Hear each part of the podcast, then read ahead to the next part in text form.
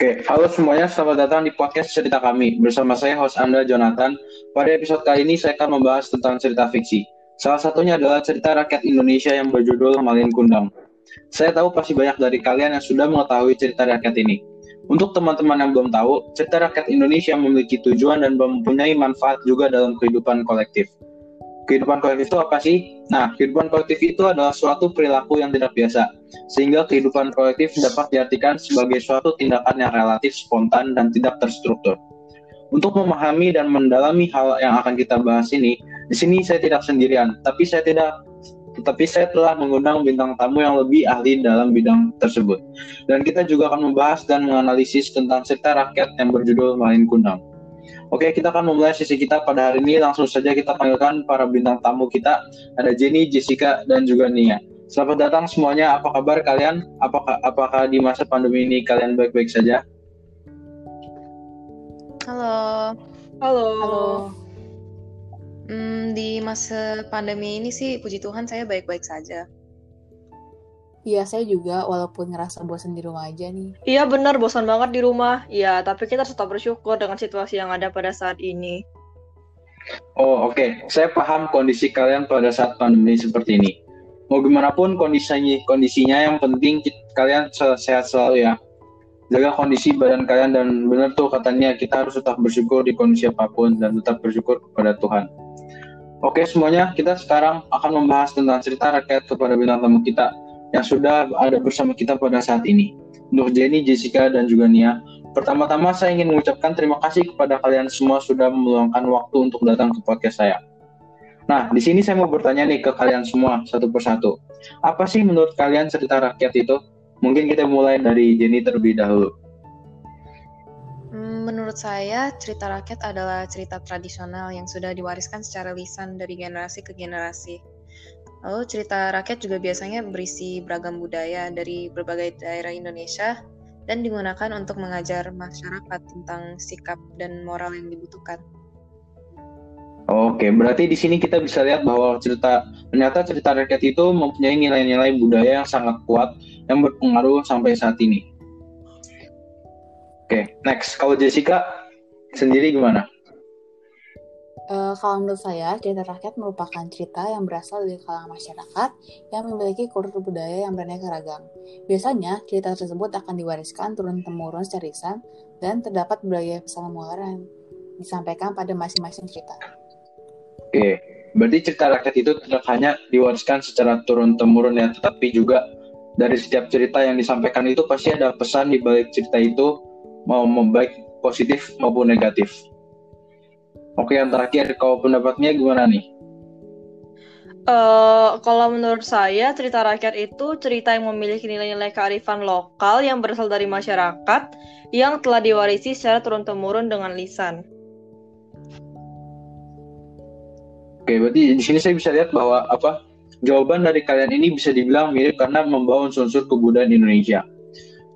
Dari pembahasan ini, kita bisa tahu bagaimana negara Indonesia meninggalkan kebudayaannya dari zaman dahulu dan yang pasti memiliki nilai-nilai kearifan lokal, salah satunya adalah dari cerita rakyat ini.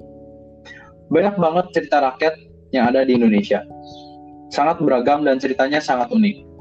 Untuk sekarang, kita akan membahas cerita rakyat Indonesia yang berjudul Malin Kundang. Jennifer, Jessica, dan juga Nia, kalian pasti sering mendengar cerita rakyat ini kan? Apakah kalian sudah pernah membacanya hingga selesai? Sudah. Sudah. Oke, berarti kalian semua sudah membacanya hingga selesai ya. Di sini saya ingin tahu nih, apa sih pendapat kalian masing-masing tentang cerita tersebut? Mulai dari Jennifer. Uh, kalau menurut saya, cerita ini secara keseluruhan bagus ya untuk dibaca oleh semua orang. Karena alur ceritanya mudah dipahami dan karena amanat dari cerita ini mudah ditangkap. Jadinya cerita ini dapat digunakan untuk mengajar orang tentang moral-moral penting juga. Enggak cuma itu, bahasa yang digunakan untuk menceritakan maling kundang tuh biasanya mudah dimengerti oleh semua umur. Saya setuju banget tuh. Ketika cerita rakyat apa ketika cerita rakyat yang mudah dipahami dan sangat sederhana untuk dibaca, apalagi ketika cerita maling kundang ini dibaca oleh anak di bawah umur, mereka pasti gampang untuk memahami cerita tersebut sehingga mereka gampang untuk membacanya. Oke, berikut Kalau Jessica, gimana? Silakan. Uh, menurut saya sendiri, uh, cerita Maling Kundang ini memberikan amat yang baik untuk dibaca oleh semua kalangan. Selain itu juga, perwatakan tokoh dalam cerita mudah dimengerti dan dipahami dan dapat digambarkan. Tetapi, di dalam cerita tersebut terdapat beberapa cerita yang panjang sehingga terlalu rumit untuk dimengerti. Dan akhirnya ketika dibaca menjadi terlalu membosankan. Itu menurut saya, pendapat saya sendiri ya.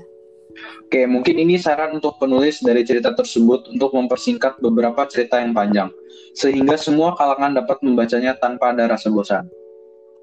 Oke, yang terakhirnya Bagaimana hmm, cerita anda? ini memiliki nilai moral yang bagus ya, di mana perilaku si Malin tidak perlu kita contoh karena ia sederhaka kepada ibunya yang telah merawat ia dari kecil.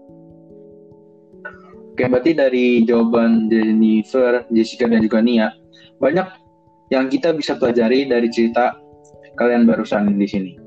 Nah, kalian memiliki di sini kalian memiliki pendapat masing-masing yang apa terhadap cerita Malin Kundang. Yang pastinya ini adalah cerita fiksi untuk menghibur rakyat Indonesia.